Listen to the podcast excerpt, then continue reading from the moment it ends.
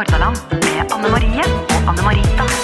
Velkommen til podkast nummer to, 'Kunsten å leve', med undertegnede Anne Marita Milde, psykologspesialist og seniorforsker, og min makker Anne Marie Ulvolden, jeg er helsesykepleier på Metis videregående skole.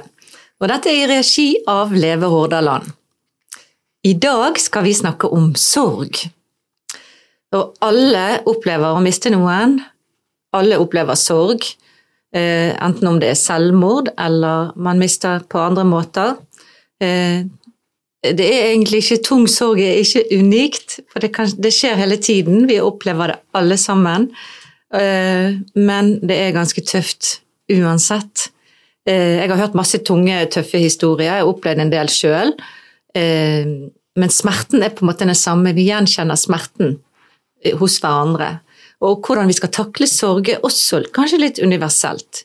Vi skal i hvert fall snakke om sorg i dag, og vi har fått en fantastisk gjest med oss i dag som heter Anne Karin Eide. Hun er koordinator i Leve Hordaland. Hun jobber med sorggrupper som vi har der, og er koordinator for likepersonarbeidet.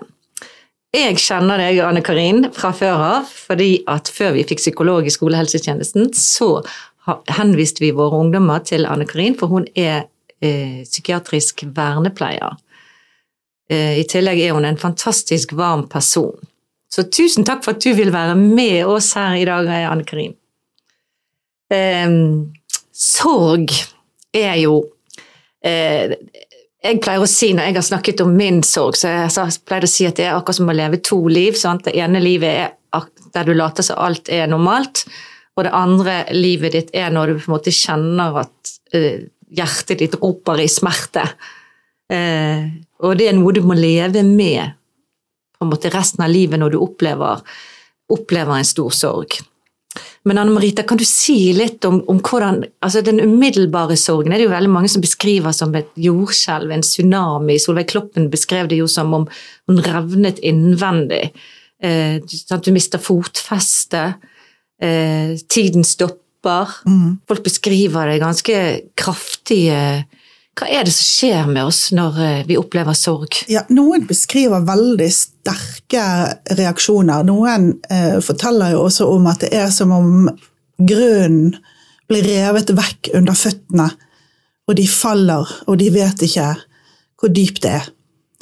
Eh, det kan være en veldig sånn skremmende, overveldende opplevelse.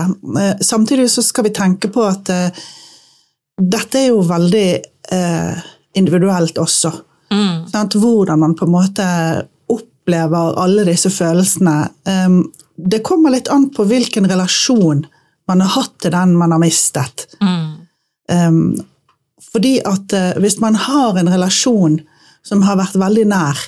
F.eks. en nær omsorgsperson, en forelder, søsken, en kjæreste eller en partner, så er nok den eh, reaksjonen kanskje annerledes enn hvis relasjonen ikke har vært så nær. Mm. Eh, men jeg tenker at hvis det er det vi skal eh, prøve å fokusere på i dag, det er nok de eh, tapene man opplever som har vært av de som har stått oss veldig nære. Mm. Eh, for det er det som gjør mest eh, litt sånn inngripen, tenker jeg, i, eh, i livet til den som blir rammet, eller den da som blir stående igjen.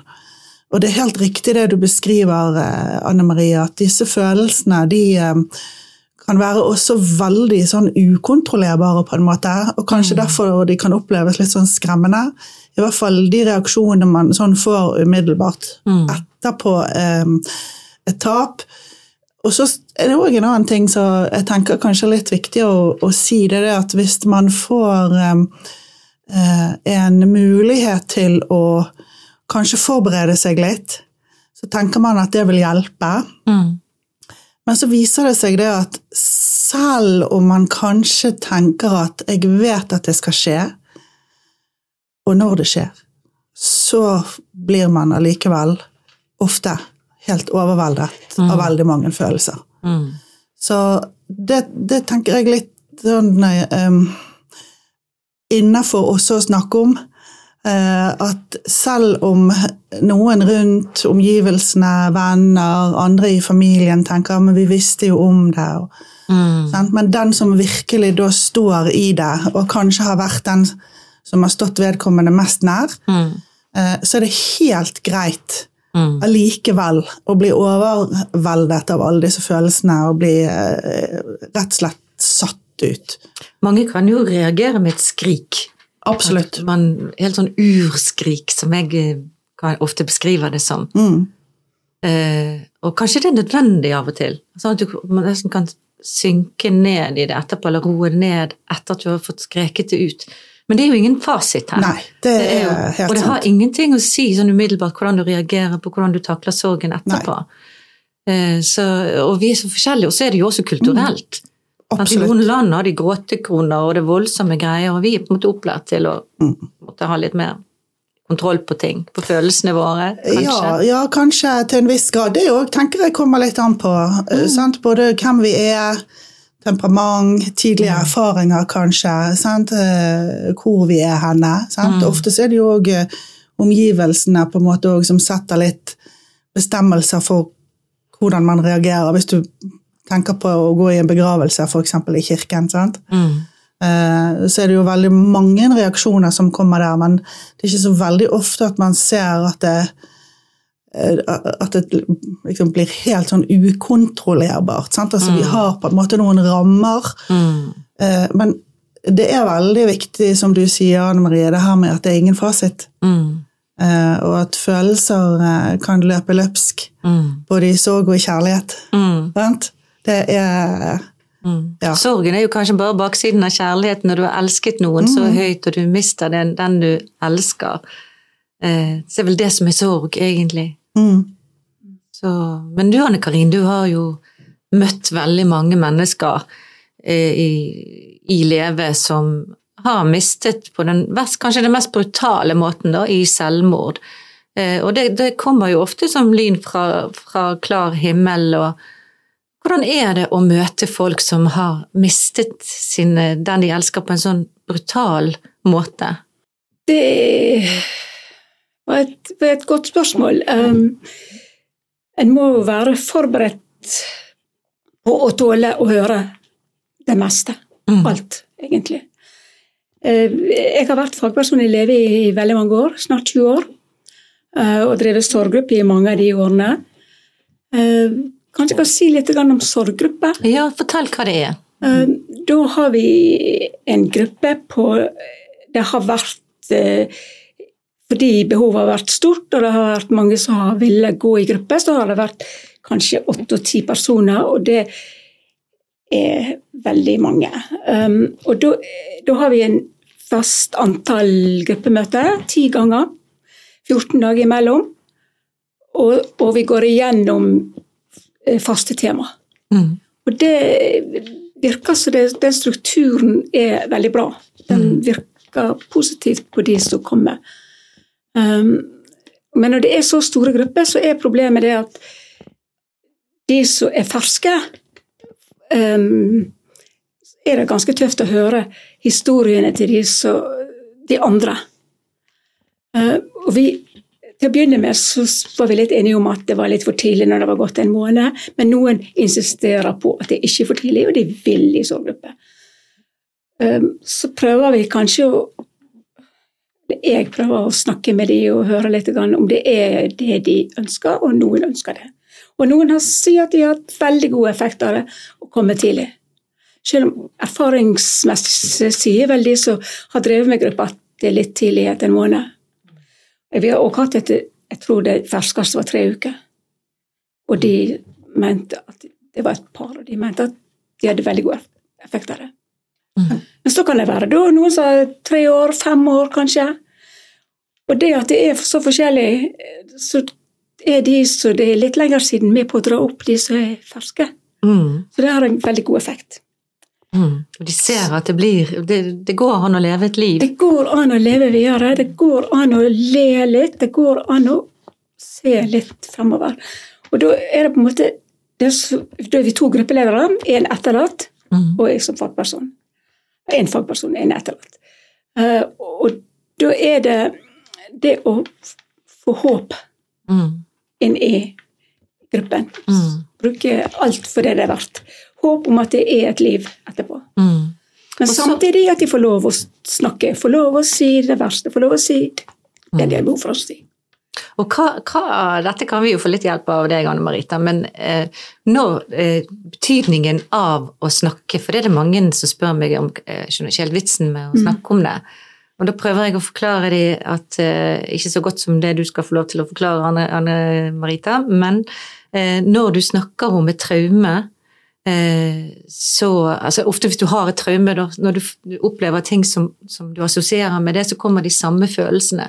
Men når du snakker med meg om det traumet eller det vonde du har opplevd, og du får en god, støttende samtale og forståelse og sånn, så vil det neste gang legge seg oppå det minnet ditt, sånn at når du da igjen opplever at noe assosieres med det, så vil du huske den samtalen meg og deg hadde. Mm. Og for hver gang du snakker om de vonde tingene, så blir det vonde litt mindre vondt. Mm. Og det er noe som skjer i hjernen, Anne Marita, som kanskje du kan forklare litt bedre. Jeg må forklare det på et enkelt måte. Ja, men enkle er ofte det beste. Mm. Vi skal ikke gjøre det så veldig komplisert. Nei. Eh, Jeg tenker jo at dette her med å, å, å forstå hva som er formålet Mm. med noe, først og fremst. Eh, For det, det grunner det litt.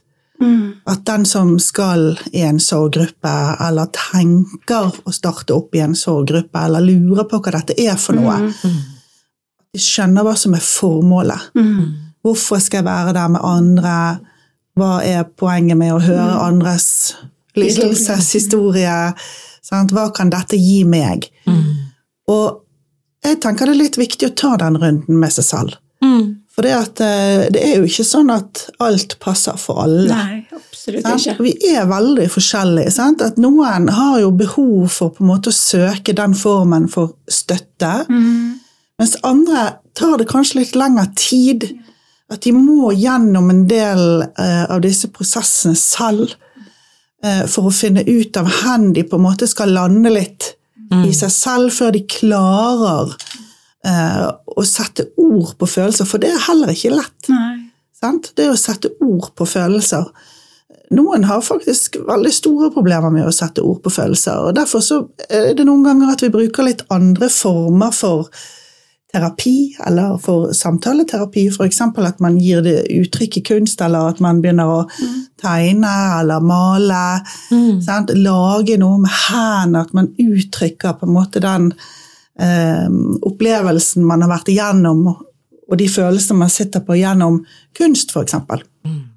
Eh, sånn at jeg tenker det her med, med samtale som et verktøy i seg selv kan være for veldig mange et godt redskap.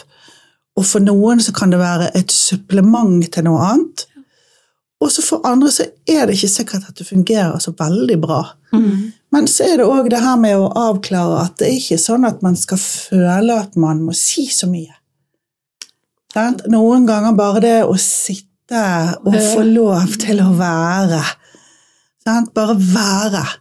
Uten at det forventes noe av deg, uten at eh, det er noe krav om sant? at du må dele, her skal alle sånn dele.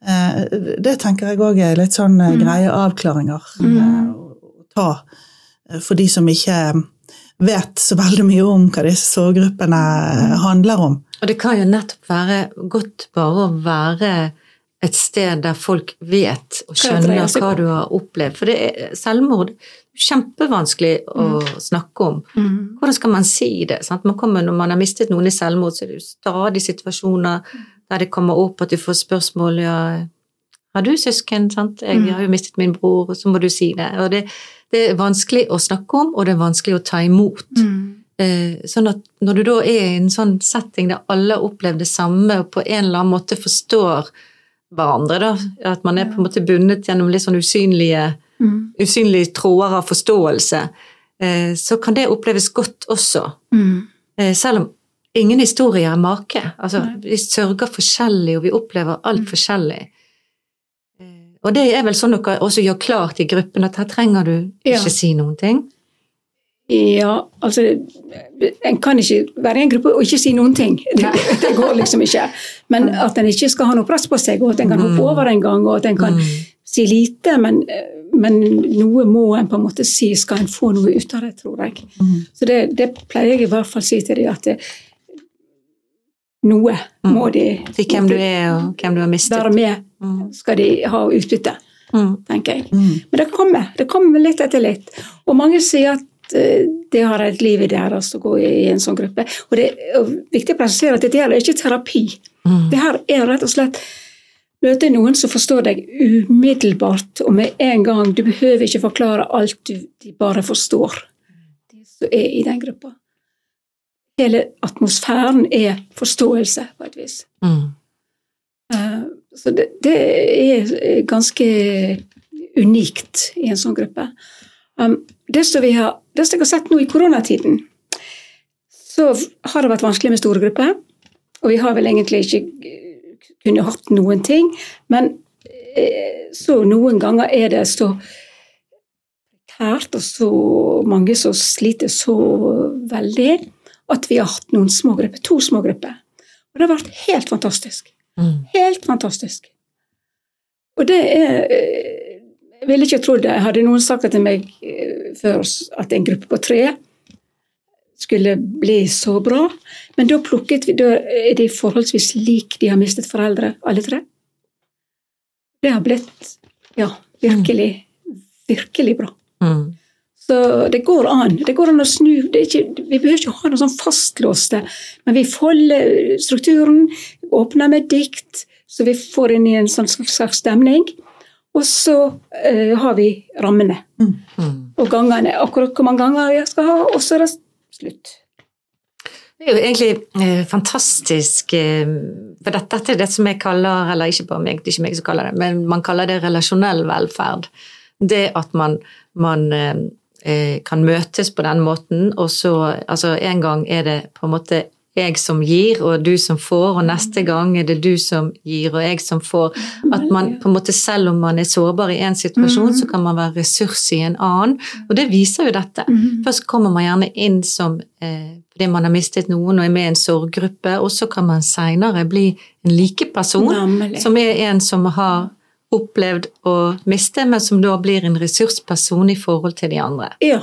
ja. Og det er jo helt eh, eh, genialt, altså. Ja. For det velferdssystemet vårt, sånn som det funker, klarer jo ikke å Ta imot alt. ta imot alt det der. Sant?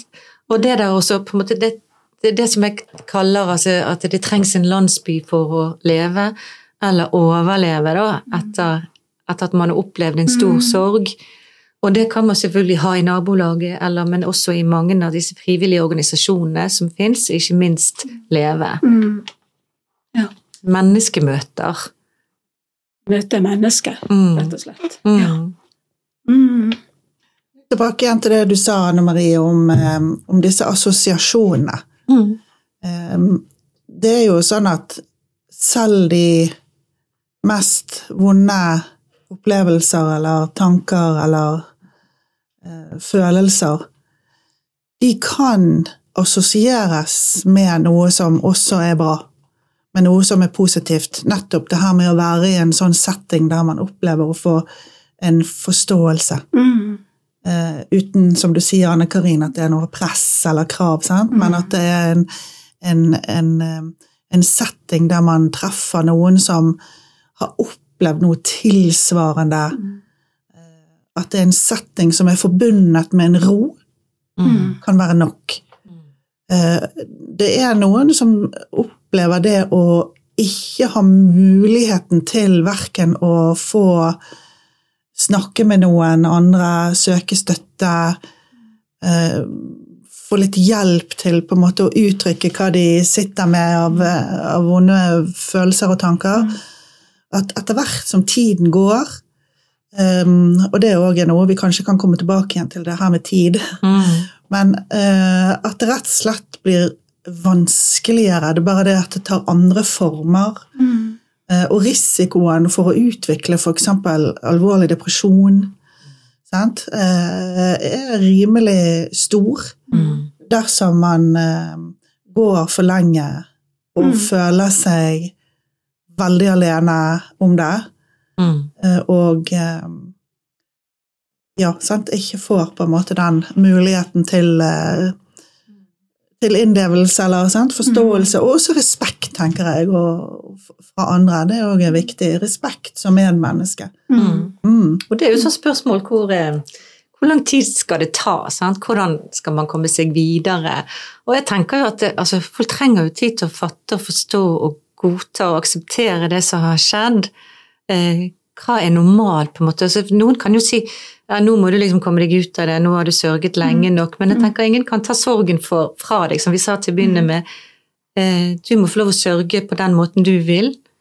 Og noen kan jo tilsynelatende kan se ut som de har kommet over det ganske fort. Du vet aldri hva som foregår Nei. inni mennesket. Men kan dere si noen ting? Hva, hva er normalt, hva er ikke normalt? Hvor lang tid skal det ta? Tid er det det kan gå over til en komplisert sorg? Nå har jo dere begge to, eh, all respekt til deg, tatt til videreutdanning for komplisert sorg. Når tid Hva er tegnet? Når kan det gå over til å bli Det er jo eh, veldig alvorlig? viktig å si at, at sorg er ikke i utgangspunktet en sykdom. Mm. Det er en normal eh, reaksjon på en ekstrem hendelse, eller å miste noen som du er veldig glad i. Mm. Eh, men så kan det bli sykdom hvis en går for lenge, som du sier, Anne Marita òg. Uten å få hjelp, og uten å få noen å snakke med, eller få tenke høyt med, eller Mm. Ja. Mm, Det er helt riktig. Det er litt, eh, jeg vet ikke om, eh, om det er allmennkjent, men, men jeg tror veldig mange kjenner seg igjen i den her at nå har det gått et år. Og før i, i, litt i gamle dager så hadde vi jo den her eh, Oppdelingen. Sant? Ja, og vi hadde sørgeklærne eh, sant, som man skulle gå med et år og sånn. Mm. Det er jo òg kulturelt. Men det betyr jo ikke at det er sånn det er. Eh, sant? Det her med å sørge, eh, som Anne Karin sier helt riktig, det er jo en helt normal reaksjon. Eh, og disse følelsene av at man sørger, det kan liksom komme og gå. At i noen perioder så er det litt mer eh, fraværende, og andre perioder kanskje det er noen som minner en om vedkommende, eller at man er på samme sted som man hadde gode minner med vedkommende, at man kjenner en lengsel, et savn. Uh, og sånn tenker jeg, det, sånn skal det være. Det er ikke noe verken fagpersoner eller noen andre skal fortelle at det, er rett eller galt. Eh, det er bare sånn det skal være. Men så er det eh, i de tilfellene hvor lengselen, savnet, disse sterke følelsene tar veldig overhånd eh, og forstyrrer litt den daglige fungeringen. Når vi blir litt sånn inngripen i livet på mange områder, at man kanskje ikke ønsker å være sammen med andre, eller det å være sammen med andre blir veldig vanskelig. Eh, de eh, jobb, ja, sant? kommer seg ikke tilbake på en måte i den her sosiale Unngåelsesatferd. Unngå Unngå, ting. mye unngåelsesatferd, ja, sant? Og kanskje at de har problemer med søvn. Eh, noen unngår å sove fordi de klarer ikke å drømme, for eksempel, eller de er redd for mareritt. Eh, over lang tid så underskudd på søvn er jo ikke bra for den psykiske helsen.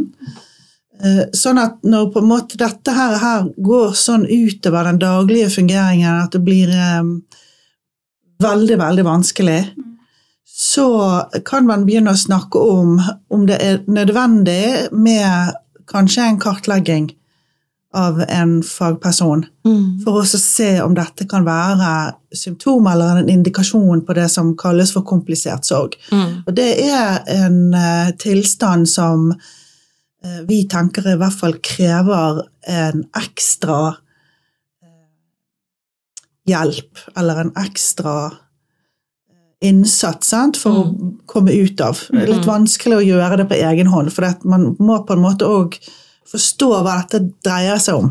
Mm. Eh, Så Da er det blitt noe så- fastlåst. Da er det blitt noe fastlåst. Du ikke kommer deg ut av på Det er helt hånd. riktig. Ja. Og det er noe annet enn depresjon. Mm. Sant? Vi skal på en måte ikke tenke at dette er en depresjon. Mm. Og det er heller ikke en psykisk tilstand hvis man på en måte tenker at man opplever noe som er traumatisk, og så kan man utvikle det som noen kjenner som posttraumatisk stresslidelse. Sant? Mm. Disse symptomene med påminnere, søvnforstyrrelser, veldig sånn akutt litt sånn alarmberedskap i kroppen. Det er også forskjellig fra det. Sånn at dette er noe som er en, har, har sin egen karakteristikker. Mm. Mm. Og så kanskje spesielt for de som har funnet den som har tatt sitt eget liv. Eh, De er utsatt. Veldig utsatt. Eh, så En ting som jeg hadde lyst til å si noe om, det er hvor mye jeg har lært om eh, venner, nære venner. Mm. Hvor tøft det kan være for dem å miste noen som de er veldig glad i. Fordi at de blir ikke regnet med som de nærmeste. De blir på en måte utenfor det, familien og utenfor de som blir tatt med i De har det ofte veldig tøft. Veldig vanskelig. Ja, for Og føler selv, òg sier selv at de føler sammen med de som har mistet barn, eller mistet mora si eller faren sin, eller noe sånt, så føler de at de, de, de, de, pass, de, de, hold- det er ikke, skulle ikke vært der. Mm. Mm. Det, det er, og det å, å, å samle noen Få noen grupper som er litt sånn med fellesnevner, Mm. det har jeg mer og mer tro på. Mm. Absolutt. Ja. Det Og i det sorgarbeidet, det, for det er jo en, jobb du skal gjøre når du, når du mister noen. Men i det eh, så er jo familie, nettverk, kjempeviktig hvordan, i forhold til hvordan du skal klare deg å overleve og komme deg igjennom. Så hvis du da ikke blir regnet med, så er det jo eh, en ekstra utfordring. Ekstra. Men ellers så er- tenker jeg at sorgen er på en måte noe man Eller min far pleide alltid å si det at eh, du, du blir liksom aldri ferdig. Det er ikke noe du glemmer når du har opplevd noe sånt. Du kan jo aldri bli ferdig med det. Du glemmer det ikke, men du lærer deg å leve med det. Og eh, jeg hørte et bilde på akkurat som to hjul, Mm. der det ene er det gode livet du har, og det andre er sorgen som du bærer med deg hele Mm. tiden. Og de to hjulene ruller side om side Mm. hele tiden. Og de, de, de kommer til å være der hele livet ditt. Mm. Du blir preget av det. Men det, av og til det kan, du kan leve med sorg og, og glede Ja. side om side. Det går an. Det går virkelig an. Mm. Men vi snakket jo også om litt om det der å finne mening i det meningsløse, det uforståelige, når noe rammer deg som du ikke klarer å fatte. Hvordan finner du en mening? Og noen tenker at de ikke vil noensinne finne mening igjen Mm. i starten. Det er jordskjelv å miste noen er selvmord. Og det er, det er som du, Anne Marita, var inne på òg, om de har forventet det, om de har noen som har eh, hatt selvmordsforsøk og sånn flere ganger. Mm. Likevel, den dagen det skjer, så er det like, like brutalt. Mm. Det er sjokk. Fordi at det skulle jo ikke skje. Jeg har jo prøvd så mye å hjelpe deg, og det er alle de spørsmålene. Hvorfor og hva og hvem?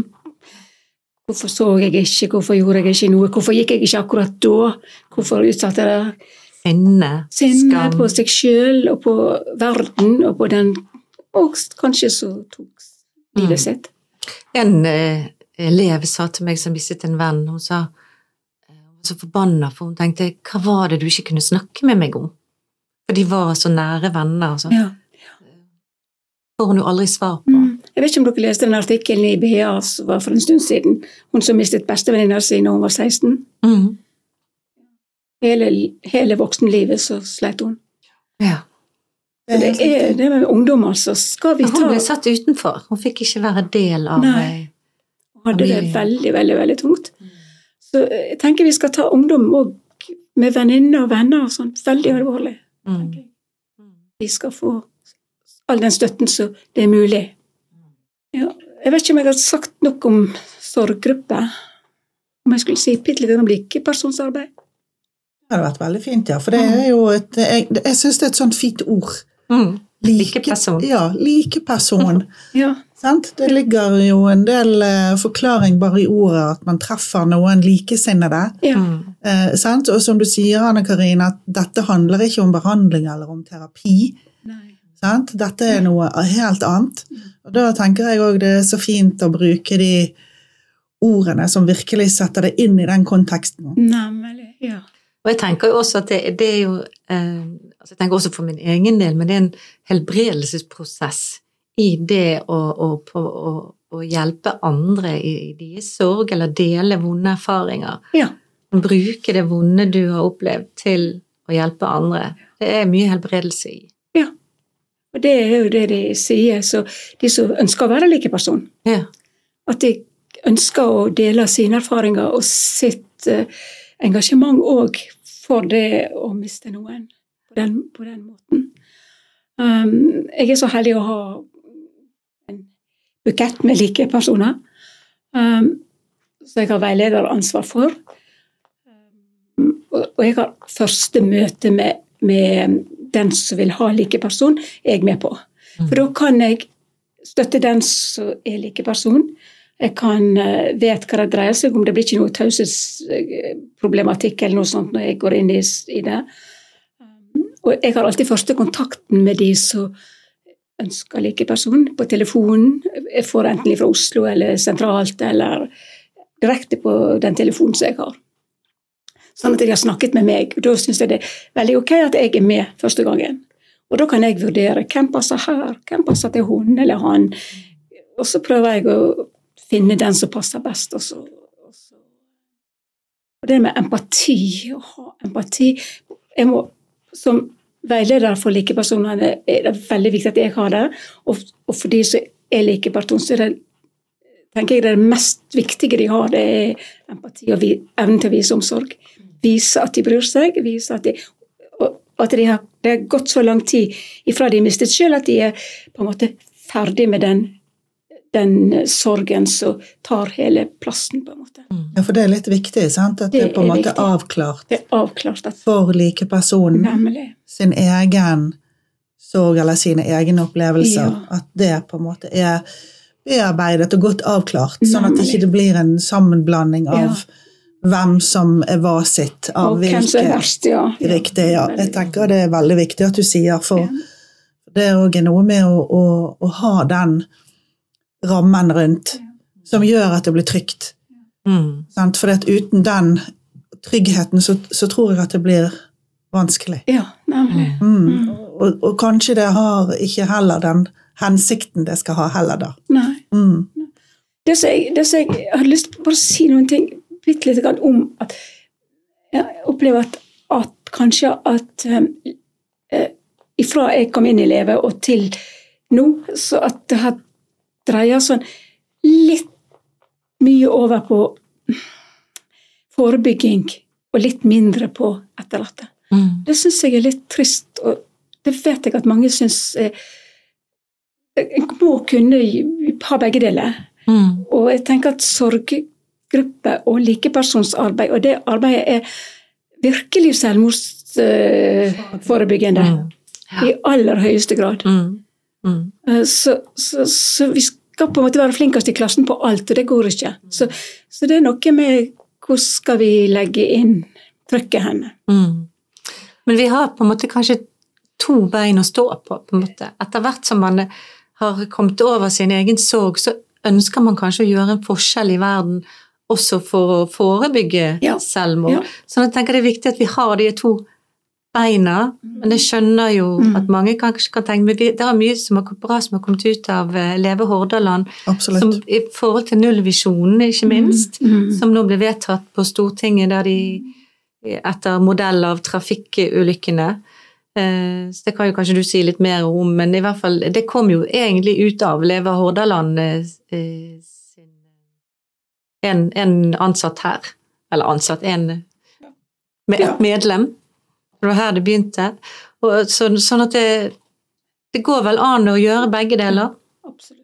Absolutt, men det må ikke bli slagside. Nei. Og og jeg hører at det er mange, iallfall de nye, så sier de nei, forebygging Det er for seint. Min, min sønn er død. Mm. Det er for seint å snakke om forebygging. Jeg, vil- jeg vil ikke høre om det. Det er liksom sånt som vi blir møtt med når, når Når en liksom skal si hva, hva gjør leve egentlig? Hva er leve for noe? Mm. Det er jo mange som spør om det. Mm. Så jeg har helt slutta å snakke om det. Når, I første samtalen så De er ikke der da, kanskje? Nei. Det er ikke Det er ikke der de er. Mm. Men sånn avslutningsvis, Anne Marita, skal vi si noen eh, velvalgte ord? Jeg, jeg tenker at dette her med, med likepersonsarbeid og sorggrupper som er i regi av Leve eh, og Leve Hordaland, eh, er utrolig viktig. Mm. Og den innsatsen som gjøres der av frivillige, eh, og med den kunnskapen og den kompetansen eh, og det rommet som skapes av de personene som bidrar inn, jeg tenker det er så utrolig viktig. Så, det, så dette må vi bare fremsnakke, og vi må ta vare på det. Og, eh, og fortsette å jobbe for det. For det, dette har et nedslagsfelt eh, som er viktig for veldig mange eh, mennesker. Og så tenker jeg at vi kanskje bør bli litt flinkere, litt sånn som Anne Karin sier, med å også tydeliggjøre hva som er hensiktene, hva som er formålet, sånn at det blir litt klart for folk. For det, Mm. jeg tenker at kanskje vi som sitter nærmest, eh, har klare tanker om det, Mm. men så kommer ikke budskapet alltid så godt frem til alle andre der ute. Mm. Eh, Så det tenker jeg at vi absolutt eh, kan bli flinkere på. Så der har vi litt eh, forbedringspotensial, tror jeg. Mm. Så det skal vi jobbe med. Ja, men vi håper jo at, at folk skal få informasjon om, om dette. For det er jo veldig mange som ikke vet at det er et tilbud. Jeg tror det er veldig mange som kunne hatt nytte av det, som ikke vet om det, og ikke oss som hadde satt pris på det. Og det er jo viktig å formidle at det blir et liv. Mm. Jeg, jeg slutter aldri å bli imponert over eh, altså den styrken som mennesker har i seg til å reise seg igjen, og de har Mm. mistet det de levde for, kanskje. Mistet den de elsket mest av alt. Mm. Eh, og allikevel klarer å reise seg, leve videre, og i tillegg har mye kjærlighet å gi til andre. Mm. Eh, det er vel litt av målet vårt. Ja, det er det, og det er fint. Mm. For når du mister en nær person, så, du, så, så mister du på en måte fremtida. For du har noen ønsker om den framtida med den personen. Om det er barnet ditt, om det er mannen din, om det er Ja. Og da mister du, når du mister framtida, så mister du nåtida òg et øyeblikk. En stund. Mm. Mm. Og da er det noen som må være der og plukke deg litt opp. Mm. Ser jeg. Mm. Og jeg opplever at de er flinkere nå enn før. Både DPS-ene, øh, sosialkontor, legekontor Altså mange som tar kontakt, faktisk. Mm. Spør om Mm. Ja. Ja, at de er oppmerksom på Ja. at vi finnes. Og gi beskjed. Og, Mm. og begravelsesbyrå og flinke å informere. Det er ofte litt tidlig, for da er de så i sjokk at de tar ikke det helt. Mm. Men presten, kanskje det, Det du sa, minner meg litt om eh, du sa det blir jo knuste liv. Eh, og det minner meg om eh, den japanske kunstformen kintsugi, der de, de tar knuste krukker og reparerer de med, med gull og sølv, eh, sånn at det ferdige resultatet blir både sterkere og vakrere enn den opprinnelige. Eh, og på en måte den sårbarheten som du ser i reparasjoner med gullet og sånt, det blir på en måte det som er så vakkert. Eh, så det er vel det vi ønsker, å sette sammen knuste liv sånn at de blir sterkere og vakrere enn vi noensinne har vært. Ja, det var fint sagt. mm, Det kan vi jo egentlig avslutte med, tenker jeg. Ja. Tusen takk for at du ville komme, Anne Karin. Du gjør en fantastisk jobb eh, hos oss. Eh, Du er uunnværlig. Vet ikke hva vi skal ha gjort uten deg. Takk for oss. Takk for oss.